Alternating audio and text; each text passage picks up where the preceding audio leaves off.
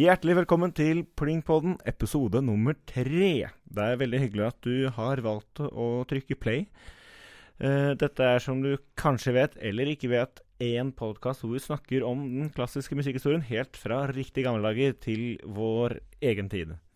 I dag har vi med oss en gjest, som alltid. Uh, ukens gjest omtales ofte som en av morgendagens dirigenter. Hun er også cellist, og er vel en av de uh, gjestene vi har hatt til nå som jeg har kjent lengst. Hun er fra Oslos beste østkant. Hun er navnesøster med Andrine Hegerberg. Og velkommen til deg, Andrine Erdal.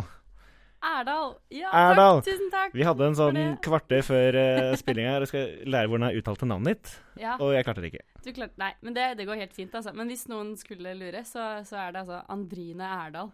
Andrine. Vi har kjent hverandre, hverandre lenge. Veldig Jeg har alltid sagt Andrine. Ja, og jeg har alltid, alltid vært litt lei meg for det. Ja. Mm. Det skjønner jeg. Hvordan går det? Utenom at jeg ikke kan annet? Sånn generelt. Ja, i livet. Ja, det går ganske bra. Eh, eller eh, det som hjelper mye nå for tiden, er at det er eh, sol, Det er sol. og det begynner å liksom ikke være mørkt i 20 timer i døgnet. Noe som eh, jeg i hvert fall setter mye pris på. Det skjønner jeg. Eh, ja. Så Og, da går det bra. mm. Og bare for å Ja. Ja, det går fint med meg. Ja, Ja. ja. Vi lager podkast og koser oss. Nei, men eh, bare for å Ja, du er da dirigent. Går på Norge, Norges musikkhøgskole. Ja. Men som jeg sa, vi har kjent hverandre lenge, fordi vi har jo spilt i orkester sammen uh, fra vi var ganske små. Så Det, jeg, ja, skal jeg fortelle litt om det? ikke så mye. Jeg kan si at vi begynte å spille celloorkester sammen, og så spilte vi i symfoniorkester sammen. Og det var jo uh, mye av grunnen til at jeg Eller altså det å spille i ungdomsorkester, da. Ja. Var mye av grunnen til at jeg gadd å fortsette med å spille i det hele tatt. For det var så gøy. Det er kjempegøy. Mm. Jeg savner å spille orkester. Er lenge Ja, ja, det- Men du lever jo med orkesteret, så det Ja, som dirigent. dirigent. jeg får jo, får jo litt Men jeg spiller jo ikke like mye orkester da, som jeg Nei. gjorde før, og det er litt trist, faktisk. Det for det er, det er noe med det å sitte sammen med de andre og spille, ikke bare Ja, det er gøy. stå foran. Men- Kan jeg bare rante litt før vi setter i gang i dag? ja, vær så god. Vi kommer tilbake til temaet. Dere vet jo selvfølgelig hva det er, da det står på episoden hva vi skal snakke om. Men eh, jeg anbefalte jo å se Heldenleben med NMH nå i forrige episode. Ja. Og det var en veldig bra konsert, det må jeg si. De spilte som rakkeren, var du der? ja, jeg var ikke der. Nei, det var veldig fint. Var Men hva er greia nå, med Hva er greia? ja, Nå har det blitt sånn, ver nei, sånn, virker verdensmesterskap i å klappe først. Har du lagt merke til det? Med Etter en gang etter, liksom? ja, et stykke er ferdig, det er bare ferdig. Hurra! Og da skal alle klappe med en gang. Å ja! Åh, jeg irriterer meg sånn over det hver gang. At man ikke får den der pausen. Ja, bare la- liksom. La etterklangen synke, bli ferdig, og så begynne å klappe. Ikke ja, Nei. Det, Men det er kanskje ka- altså, det er- alltid en som kaster seg på klappinga med en gang. tror du det, Jeg tror det er en av to ting da. Enten så er det fordi man syns det var så sykt bra at man bare ikke klarer å vente. Eller, Mhm. eller så syns man det var ganske kjedelig, så man klarer ikke å vente med å gå hjem. Ja, nå må vi gå. Nei, dette var bare min rant. Nei, vi må komme oss over til temaet. Ja. Og det er da Jacqueline Dupré som er dagens tema. Har, hva er ditt forhold til Jacqueline? Å, det er uh, høyst elskverdig forhold Oi. til uh, Jacqueline Dupré. Ja. Ja. For min del så er det jo at eh, jeg Moren min faktisk viste meg Eller hun liker veldig godt denne innspillingen da, av Elgar Scheller-konsert, som vi kommer til å komme tilbake til. Så hun viser meg den da jeg var ganske liten. Så jeg har egentlig hatt et forhold til den ganske lenge. Ja, det var Jeg tror det var på et, en av de liksom første stykkene jeg ble ordentlig forelska i, var eh, Altså Elga litt senere, men Mm. før det eh, Brahms cellosonate, Oh. e-moll.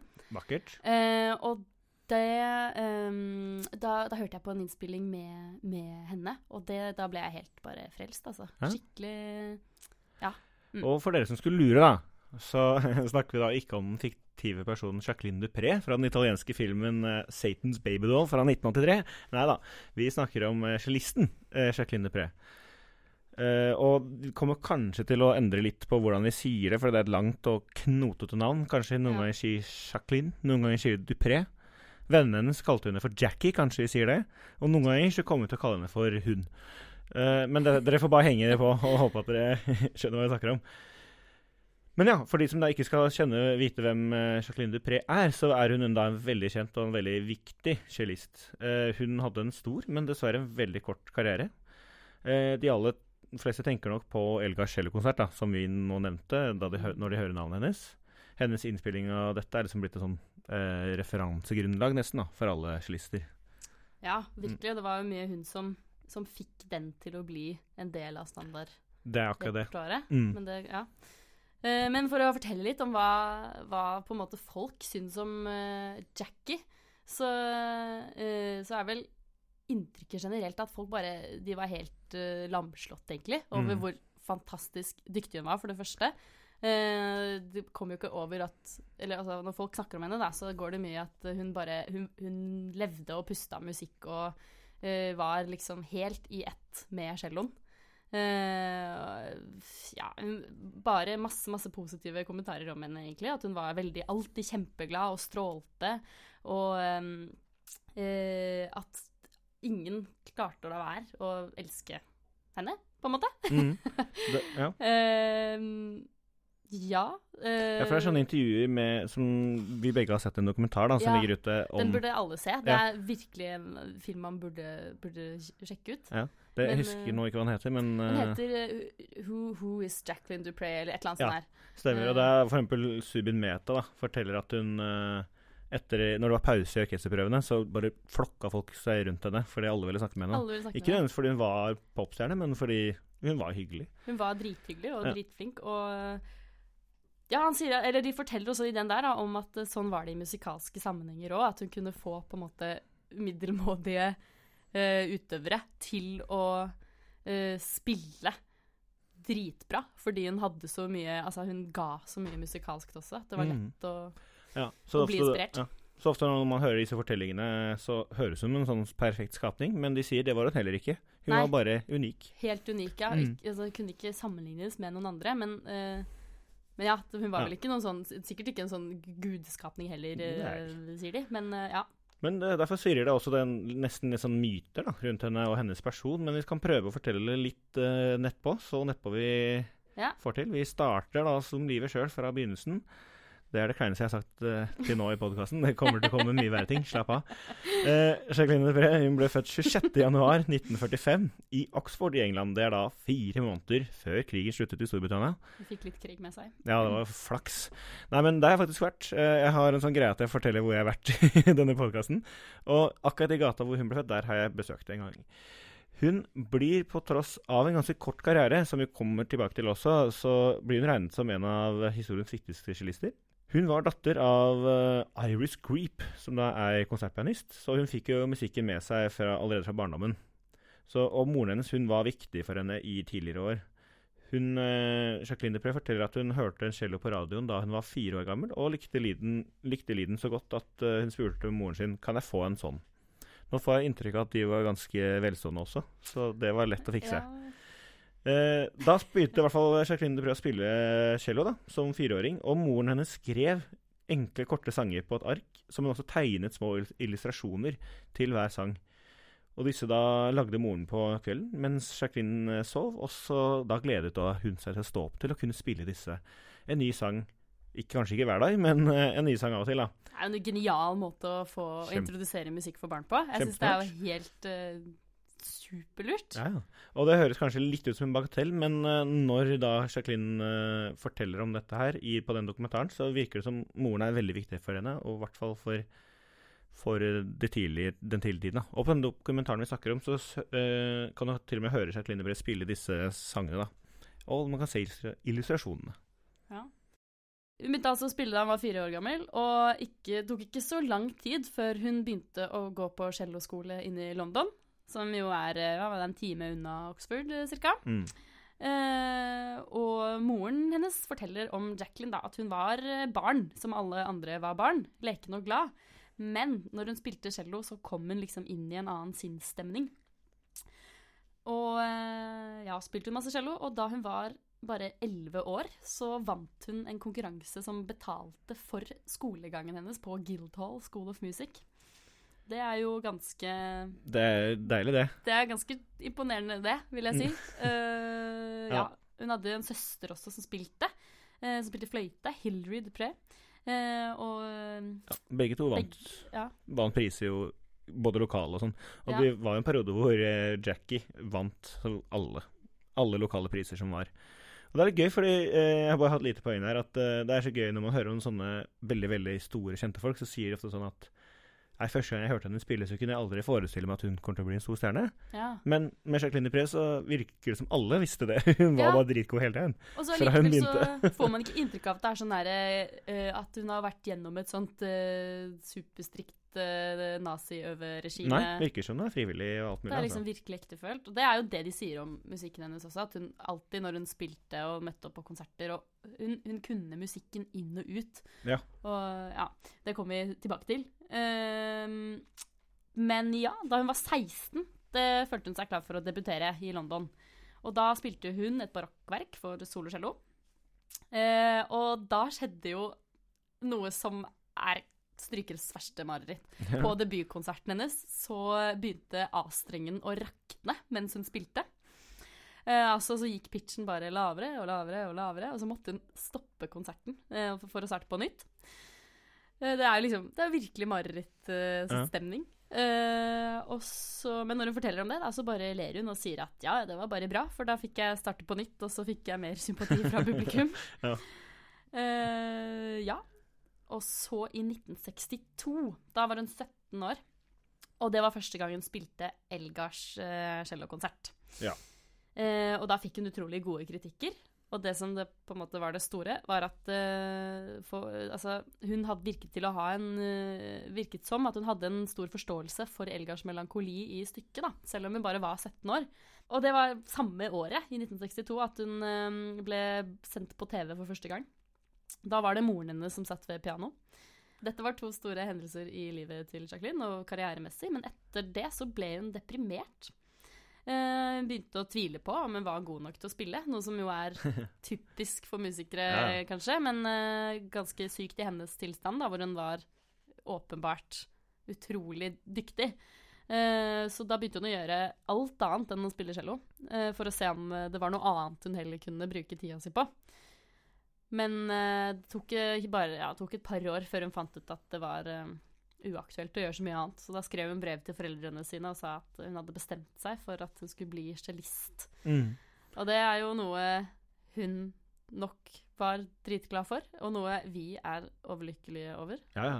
Og det, det er også et litt sånn fint bilde, fordi der foreldrene gir henne også den muligheten til å ikke Altså velge å ikke spille, da. Ja, ja, ja. Så som, det er også et bevis på at det virker som det er helt frivillig, Hun valgte liksom skikkelig den musikken eh, Ja. selv om Det det var- er barnestjerne, på en måte. Ja. Ja, Men gjennom tenårene så tok hun eh, timer da med cellisten William Pleath. Eh, disse britiske navnene hans. Hun forteller om deres forhold, om at Pleath nesten eh, ble som en sånn ekstra far for henne. Uh, en sånn morsom anekdote som hun forteller selv, er at hun dro på masse reiser for å ha masterklasse med f.eks. Pablo Casals og Rostropovic. Uh, men hun hørte egentlig ikke på hva de hadde å si, fordi de var ikke William Pleath. Herregud. Ja. Ja. Etter hvert så dro hun til Paris for å studere litt der, og så da hun returnerte til London, da, da, var, hun, da var hun allerede en populær cellist. Eh, først så studerte hun Nei, hun turnerte i USA med en studiekamerat fra Paris som het Stephen Bishop. Og i 1965 så dro hun på turné med BBC Orchestra i USA, og nå er hun da 20 år gammel. Eh, og på denne konserten og turneen så kan du gjette hva hun spilte. Da spilte hun Elgar Kjell-konsert. Eh, året etter så dro hun på turné i Russland med samme orkester og samme stykke. Og siden det er så mye snakk om Elikon Kjell-konsert, så tenkte jeg kanskje vi skulle ta, snakke litt om det stykket. Mm. Det er eh, et av Elgars eh, siste verk. Det blir liksom kalt det siste store verket han skrev. Og ble komponert i kjølvannet av første verdenskrig. Og ifølge kilder så var konsertpublikummet i England egentlig litt ferdig med Elgar og hans romantiske stil på dette tidspunktet etter krigen. Eh, hovedtemaet i denne konserten skal ha kommet eh, til ham da han gikk en tur i Fittleworth i Sør-England. Eh, og da var det så fredfullt, så da sier han da kom, kom temaet til meg. Eh, han var nå en syk gammel mann, og mange mener liksom dette, denne Shell-konserten er som sånn svanesang. Det er sånn dødt, er Betyr det liksom siste sang før man dør, eller hva? Ja, altså det er en sånn eh, mytisk fortelling om at uh, svaner er stille hele, hele livet, men før de dør så synger de en uh, trist sang. Da, så- OK, Ja. så det var rett og slett uh, Så dette er hans svanesang. Elgars svanesang. Men den ble jo ikke så godt mottatt, da, i forhold til tidligere av verkene. Nei? Det tok, tok vel ganske lang tid før det ble spilt igjen etter urframførelsen. Eh, så var vel egentlig ikke før på 60-tallet at det begynte å bli populært. Og ja. da eh, Det Ja, det var jo da vår helt, da, Jacqueline Dupré, faktisk spilte inn verket. Mm. Som nå er jo sett på som et av Elgars mesterverk. eh, Mm. og det er vel ikke en cellist som ikke har spilt Elgar. Nei. Og det burde man også, for det er jo et utrolig gøy og, og krevende stykke å spille, hvor man får liksom bruke det celloen har å by på. Mm. Så, det, ja, så nå er det på standardrepertoaret, og det er jo mye takket være Jacqueline Depré, altså. Det er jo det. Ja. Um, hun var på dette tidspunktet det man kan kalle en ganske vellykka musiker. Hun spilte utrolig masse konserter og turnerte rundt overalt. Uh, hun var en del av den første generasjonen musikere som ble mye sendt på TV. Uh, og det var vel derfor at talentet hennes spredte seg så fort da, utenfor Englands grenser. Ja. Eh, hun ble jo veldig internasjonal veldig fort. Og det er også grunnen til at det finnes veldig mye opptak av henne utenfor konsertscenen. Hun var eh, veldig populær, hun var litt sånn kjendis, eh, så det var videokamera der for å fange opp hvordan hun var på fritiden hele tida. ja, det virker nesten litt slitsomt, det. Ja, det, Masse kamera hele tiden. Ikke akkurat hjelpsomt. Eh, men det er vel ikke kanskje sånn det er så mye med klassiske musikere i dag? Ikke Nei. så ofte man ser I I hvert fall ikke i Norge. Nei, på ingen måte. Men um, spillestilen hennes var jo veldig kameravennlig, for å si det sånn. Fordi utenom at hun hadde en utrolig fyldig og fin tone, selvfølgelig hun spiller jo dritbra, så spilte hun, altså hun spiller med utrolig store bevegelser. Veldig eksentrisk spillestil rent fysisk. Eh, og det er jo det de snakker om i disse intervjuene også, det ser man når man ser på opptakene, at det virker som at hun og celloen er eh, en og samme greie. Mm. Det er ikke noe skille mellom hva som er instrumentet og hva som er utover. Og det syns jeg er utrolig inspirerende å se, fordi ofte når man følger med på klassiske musikere i dag, så kan i hvert fall jeg få litt følelsen av at sånn Her har vi musiker, og så har vi hellig instrument. Ja, og så I også det at ikke bevegelsen. Det er ikke noe spill for galleri heller. Det er noe ektefølt i det også. Skikkelig, Mm. skikkelig, skikkelig. Det er ikke noe sånn svulstig eh, show. Ja, nei. Mm. Men ja, nå, nå turnerer hun mye, da hun er blitt uh, verdenskjent, og hun forteller at hun elsker å reise på turné. Og det eneste hun hatet da, var å bære rundt på celloen. Og det kan kanskje du også kjenne henne i. Absolutt. I hvert fall jeg. Jeg har ikke turnert, turnert, faktisk. Jeg har ikke dratt på turné i verden rundt, men jeg har tatt celloen på 23-bussen til Manglerud mange ganger. og det er ille nok i seg selv. Ja, så blir du så populær blant de andre på Ja, bussen også. Jeg hadde faktisk en sånn beef. Det var, eh, jeg tok eh, bussen litt før åtte hver dag, fra Ekeberg til Manglerud. Og det var en gammel dame som skulle ta bussen samtidig hver dag, og vi ville sitte på samme plass. Oh, Så vi så på hverandre, og så løp vi inn i bussen førstemann hver morgen. Er det sant? ja, nesten. Her om du Jeg var bare kjapt. Eh, Ja. Jeg var i Nord-Norge eh, rett før jul og hadde med meg celloen. Jeg, jeg reiste miljøvennlig, så jeg tok tog og buss fra Oslo til Steigen. Oi. Som er en tur på Det blir jo oppimot et døgn, da. Å reise så langt. Og så skulle jeg gå altså, på en buss eh, midt uti langt unna plass eh, på vei til Fausk eh, for å ta toget til Oslo. Og eh, da tok jeg altså buss. Og så ville ikke bussjåføren slippe meg inn med celloen. Hva? Han, han insisterte Det var tom buss, det var kanskje fire stykker som satt på denne bussen. Og han, han var sånn Det er en uh, sikkerhetsfare om du tar Ja. med den uh, harde kassa der inn på bussen. Du må legge den under, altså i bagasjerommet. Ja. Og så prøver jeg å si til han Du, det, mm, det skjer ikke. Det, det går ikke. Nei. Rett og slett prøvde å være veldig høflig først, da. Liksom sånn, men jeg, jeg tror det går bra, jeg kan spenne den fast på sikkerhetsbeltet. Og, og han var bare sånn Nei, det er en fare. Jeg, tar, jeg kan ikke ta ansvar hvis noen blir skada pga. det her. Men jeg, jeg kom meg inn til slutt. Men Yes. det, det var helt ja. eh, Jeg tror jeg er redd for at du skal legge den i midtgangen, og da får du ikke løpt ut hvis det skjer noe. Ja, Men, men det er sånn, fire folk på bussen. Og da sa han han mente at hvis vi krasja den, da, så kunne den komme flyvende fremover, og noen kunne bli truffet av den i hodet eller noe. Såpass. Men uh, det, altså mm, Ja, nei. Ja, nå har vi Nå- falt langt ut. Men jo. Det. Eh, men det jeg tenkte på eh, For hun forteller om denne celloen som var litt eh, dritt å bære rundt på. Men hun må jo skaffe seg stropper på celloen. Hva skjer? Har du det sett de filmene? Hun har, jo, hun har jo ikke bærestropper, hun har den jo bare i hånda ja. og går og bærer på. Det er jo dritslitsomt. Må løfte den over folk som går forbi og alt mulig. Det Men ja. Ja. den celloen hun spiller på, Ja. det er gøy å snakke om. Det er en cello som heter. Davidov Stradivarius. Uh, Stradivarius er kanskje noe som folk har hørt om. Altså Kanskje. dyre greier. Dette er faktisk en cello som nesten går i arv mellom de kjenteste kjellistene cellistene i samtiden. Altså ikke arv, men de lånes ut da, av Ja. ulike corporates. Og nå er det Yo-Yo Ma som spiller på den. og tidligere har Rostropovitsj spilt på den. Og nå er det da Jackie. Uh, nei, det var Jackie Det da, var som spilte på den Ja. på den tiden. Shit, ass. Eh, Ja, ja. ja, og da hun eide den, så var den eid av multikonsernet LVMH, som da står for Louis Vuitton Moët Hennessy. Så da snakker vi enorme pengesummer, da. ja. Men tilbake til uh, Jacquelines eh, liv. Ja, Eh, det Nå er vi tilbake til Ja- Jackies liv. Det for er å se litt hva som skjer med henne. Eh, for hun var på turné, og på kammerturné. Og da møtte hun det som skulle bli altså hennes ektemann, eh, nemlig Daniel Barenboim. Oi. Eh, de eh, Det første de gjorde da de møttes, det var ikke å hilse og si hei og sånn, men det var å spille en Brahms-sonate sammen. Ja, Dette kunne jo vært en fin, eh, fin romantisk komedie for klassiske musikere. Ja. Uh, og dette var altså da i 1966. Hun er 21. 21. Uh, og det, det, det som er viktig å huske på, er at de var da to store stjerner begge to, både Dupré og eh, Barenboim, da de møttes. Altså de hadde hørt om hverandre, absolutt. Eh, men altså, de hadde ikke møttes før, da. Og eh, altså, de giftet seg, eh, og de har jo i ettertid spilt utrolig mye sammen. De spilte og spilte og spilte alt mulig rart.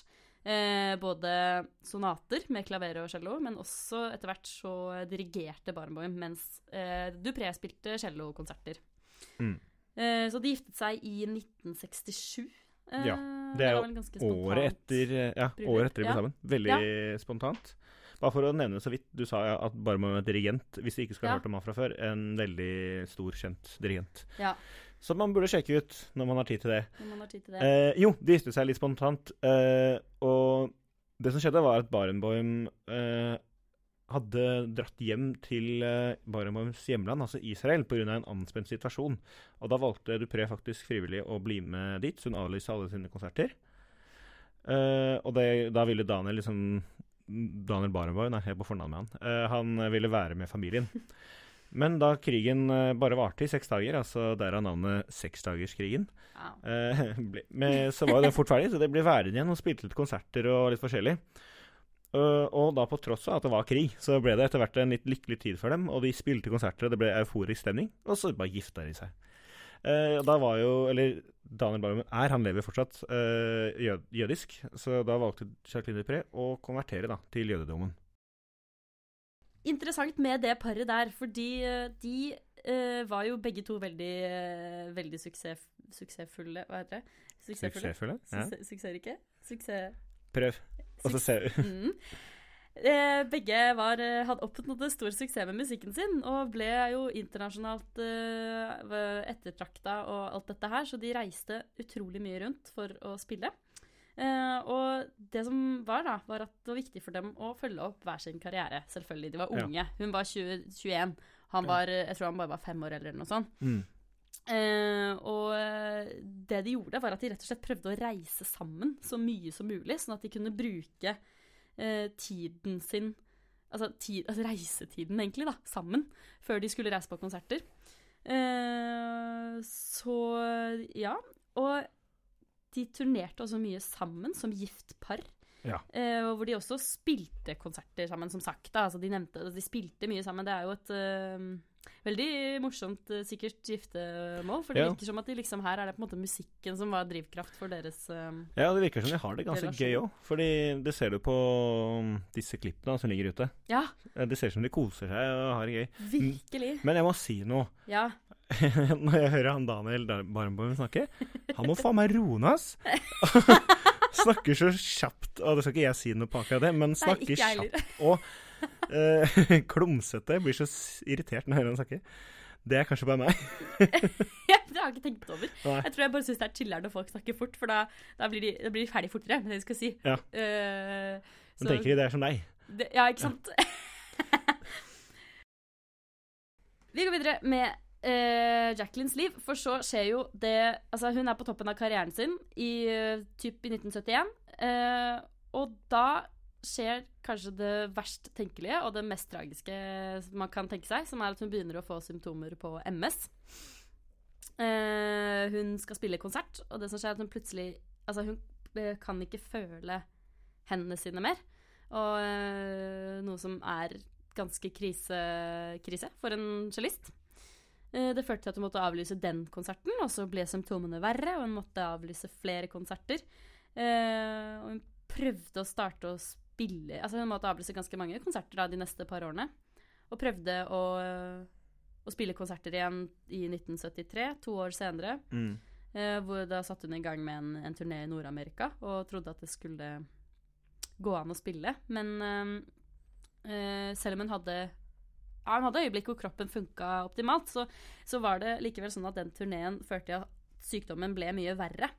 Og eh, det sier hun jo i intervjuer av henne også under den perioden, hvor stilte, altså legene stilte spørsmål ved er du sikker på at du skal spille mer cello. Mm. Eh, det kan bare gjøre ting verre, men hun var helt på det at nei, jeg må spille til det ikke går mer, liksom. Ja. Eh, og så det viktigste for henne var å kunne spille cello, så det var på en måte bedre å heller gjøre sykdommen verre enn at den skulle holde seg ikke så ille, men at hun ikke kunne spille allerede da. Ja. Så hennes siste konsert i London, det var med Subin Meta som dirigent. Uh, og da spilte hun jo selvfølgelig Elgar cello-konsert. Og Ja. Men hennes absolutt siste konsert, ja. det var med New York Philharmonics i februar 1973. Mm. Hvor hun da skulle spille Brahms dobbeltkonsert. Da var det med Barenboim, altså mannen hennes, som dirigent. Og Dupré fortalte at hun sleit med å kontrollere buånden. Eh, ja. Problem. Og at til og med bare det å åpne cellokassen, det var et stort problem. Uff, altså det er jo helt Man blir jo helt Det er jo så grusomt. Ja. Eh, hun hadde ikke følelsesaumen, som du sier, og derfor klarte hun liksom ikke å beregne hvor mye trykk hun trengte i buhånda. Og til slutt så klarte hun ikke å koordinere fingrene i venstrehånda. Uh, det var lagt opp til fire konserter med New York Philharmonics, men Dupré måtte avlyse den siste konserten. Og da måtte Jacqueline Dupré måtte legge opp som cellist i en alder av 28 år. 28 år. Ikke sant? Og som vi hørte, så debuterte hun da som eh, cellist i London som 16-åring, så dette er ikke en lang karriere. Nei, det er 12 år. Det er 12 år. Og nå, da har liksom historien gått fra å være en musiker med en strålende karriere da, til, å, til en som måtte bare legge opp altfor tidlig. Og bare for å ha nevnt det, Den sykdommen hun hadde, det har vi ikke sagt hva er. Det er MS, altså MS, ja. multiple skrelose. Mm. Uh, og, og, det er en sykdom som hun uh, levde med resten av livet. Uh, og det var ikke lenge etter at hun ga, altså måtte legge opp som cellist, at hun måtte begynne å bruke rullestol. hun begynte etter hvert å engasjere seg mye i forskningen rundt MS. Men det som hun altså da gjorde, når hun ikke kunne spille cello mer. Og var, det var jo utenkelig for henne å ikke spille cello. Det, dette var det hele livet hennes hadde dreid seg om så langt. ikke sant? Uh, så det hun gjorde da, var at uh, Det hun sier selv, da, er at um, det nærmeste hun kom på en måte celloen, var å undervise i stedet. Så hun ble en veldig populær cellolærer og snakket mye om og ga, delte mye av kunnskapene sine rundt Elgars cellokonsert med andre unge cellister. Og dette var et stykke som hun tok med seg hele livet. Hun forteller i et intervju fra jeg tror på om det er 1970, eh, hvor hun eh, altså da eh, Det var vel da ti år siden hun hadde spilt stykket sist, men hun eh, lagde sin egen versjon da, av notene. Da må nok det ha vært i 1980. 1980. For 1970 så spilte hun fortsatt. 1980, ja. mente jeg selvfølgelig.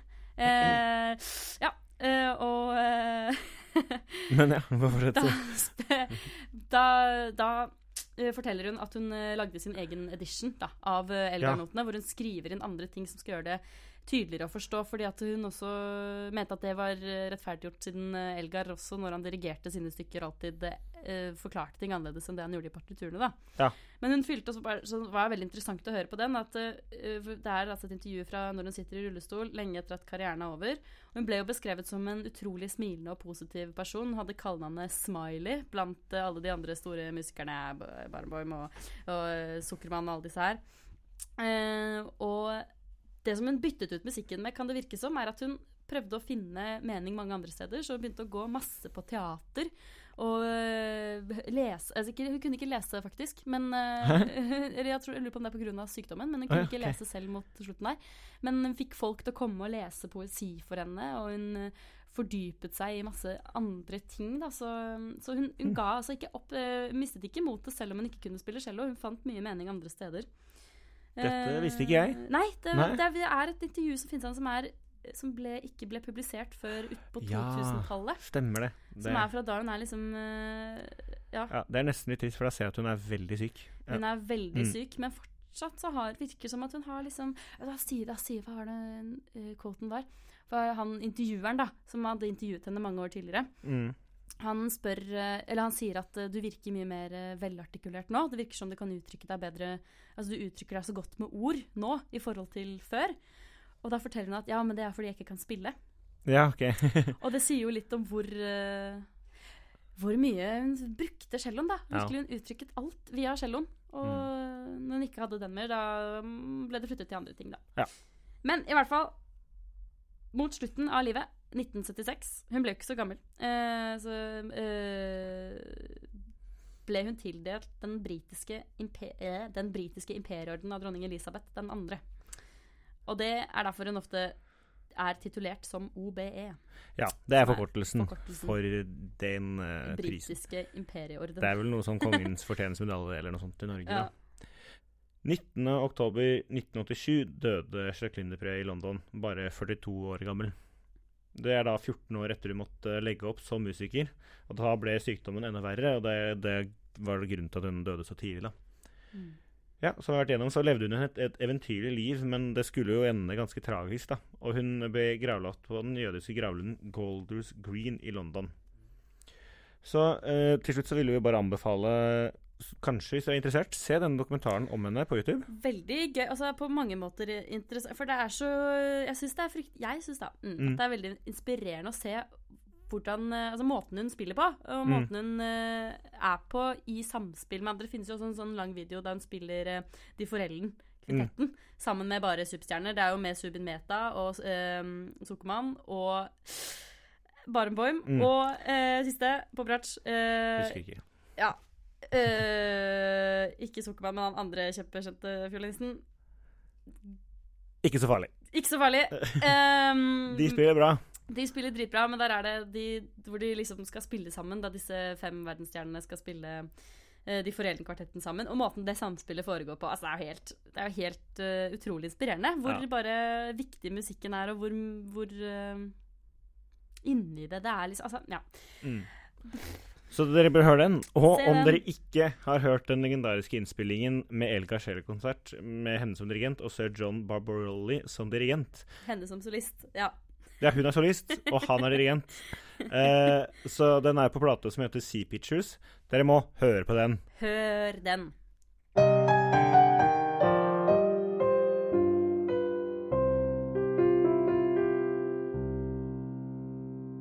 Ja, det var historien om Jacqueline Dupré, slik vi valgte å fortelle den. Ja. Nå er vi over i spalten eh, Ukens anbefaling. Som Ja. er, nå tar gjesten med seg et stykke hun ønsker å anbefale oss å høre på denne uken her. Og hva er det du har med til oss denne uken? I dag så har jeg med et stykke som eh, heter Edvard Grieg, Holberg-suiten. Ja. Eh, og den, Den har den, har jo, den har du hørt før. Ja. Det, det er et fint stykke. Eh, og, men jeg vil altså anbefale Erlend Skomsvolds Holberg-variasjoner, som Ja. er altså Eller det som man kaller for rekomp improvisations, Ja. eh, av Holberg-suiten, rett og slett. Så det, det som er så kult med den, er at det er eh, Holberg-variasjonen Nei, Holberg-suiten, men i ganske annerledes eh, versjon av det man har hørt før. Og eh, den ligger på Spotify. Den heter Holberg Variations. ja. Eh, ja, Så da med jazzpianist, egentlig, da, Erlend faktisk. Erlend Skomsvold han er jo professor her på huset. Det er han. Eh, Jazzpianist og komponist. Eh, Og Det er hans, ja, hans versjon er av Holbergsuiten. rett og slett. Og den er veldig kul. Det anbefales, uh, ja, åpenbart. Da anbefaler eh, alle høre på denne denne uken her. Ja. Litt ny input. Ja, da er vi over i spalten Ukens anekdote. Det er da den Mm. eh, spalten hvor jeg tar med en litt artig historie om eh, innenfor temaet klassisk musikk. Som dere kan fortelle denne uken til deres venner. Skal dere se at dere får noen nye venner. Denne eh, dagens, eh, dagens eh, anekdote er ikke sånn hysterisk morsom. Det er bare et litt artig poeng. Eh, Arnold Schönberg, komponisten, han led av tyskidekifobia, som de som kanskje har hørt, eh, sett Friends, vet hva er. Det betyr da at du er redd for tallet 13. Og det er litt morsomt. Kan du si det igjen? Hva heter det? Tysk. Hvorfor må jeg si det? igjen? Tyskedek- Tyskedekofobia. Ja. Eh, på engelsk, da. Eh, og det er jo at du er redd for tallet 13. Det er litt gøy i seg selv, fordi han var jo kjent for å skape det som uh, heter Heter tol- tolv- tolvton- tolvtonesystemet. Og bare for å gjøre det ytterligere litt uh, morsomt, er at han døde da fredag den 13. Å, shit. Mm. Frykten var berettiget. Frykten var berettiget. Ja, da er det jo siste spalte som er på gang. Det er da eh, aktuelt. Hva er det som skjer rundt omkring i eh, Musikk-Norge denne uken her?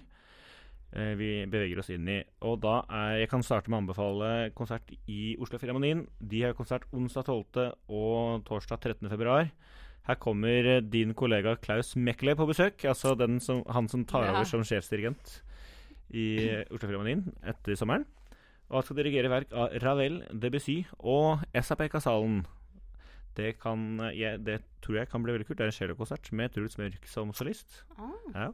Og så har de også en kammerkonsert på søndag 16. i Gamle Losjen. Og da spiller de verker av uh, Ravel og Berio. Og disse, denne kan også anbefales. Det er veldig to flotte stykker. Hmm.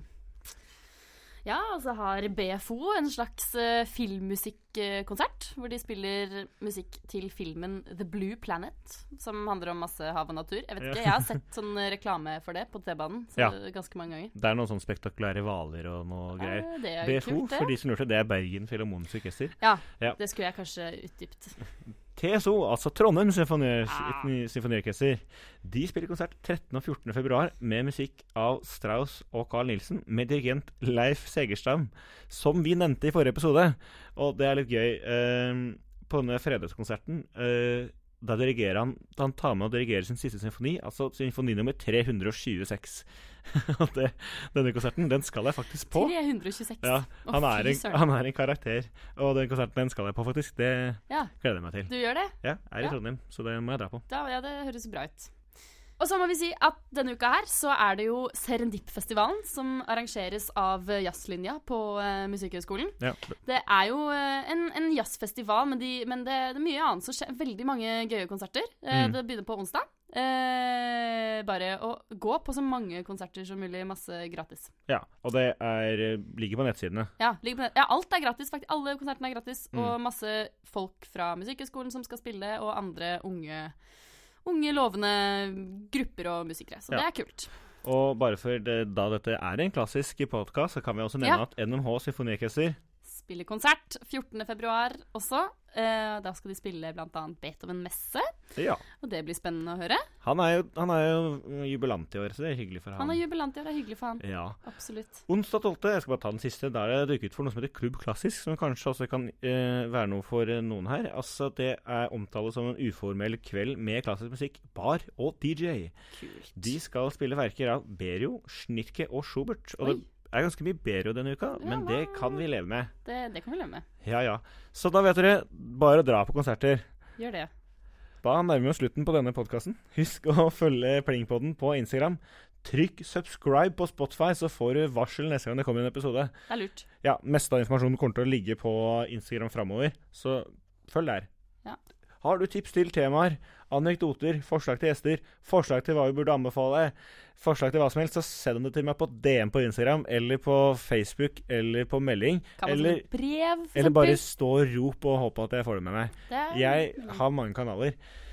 Uh, men rett før vi slutter, så tenkte jeg vi kunne ta det jeg kaller for tre kjappe. Her kaster jeg tre kjappe spørsmål, Ja. og du må bare svare. Men jeg har en vri denne gangen. OK.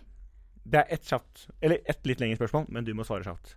Ok, ja, Jeg skal prøve å Dette svare. er- Jeg skal ta utnytte av din dirigentkompetanse. Å, faen. Ja. Eh, Fordi nå kommer eh, Nå tar Klaus Mekle over Ja. eh, fra etter sommeren. Mm. Og jeg har tre scenarioer. Hva kommer til å skje? A. Det går dritbra. Og han forsvinner eh, og drar til sånn konsertgebau eller sånn etter tre år. Eh, det går dritbra, men han forsvinner med en gang. B. Det går til helvete, hvis det er lov til å si. Eller C. Det går dritbra, og han blir her. Og det blir en ny sånn Marit Jansson-periode hvor han blir her i 30 år. Og OFO blir et av, eh, av eh, verdens beste orkester. Hva tror du kommer til å skje? A, B eller C? Ah, Ja, dessverre. Det tror jeg også. Tusen takk for at du kom, ja. og tusen takk for at du hørte på.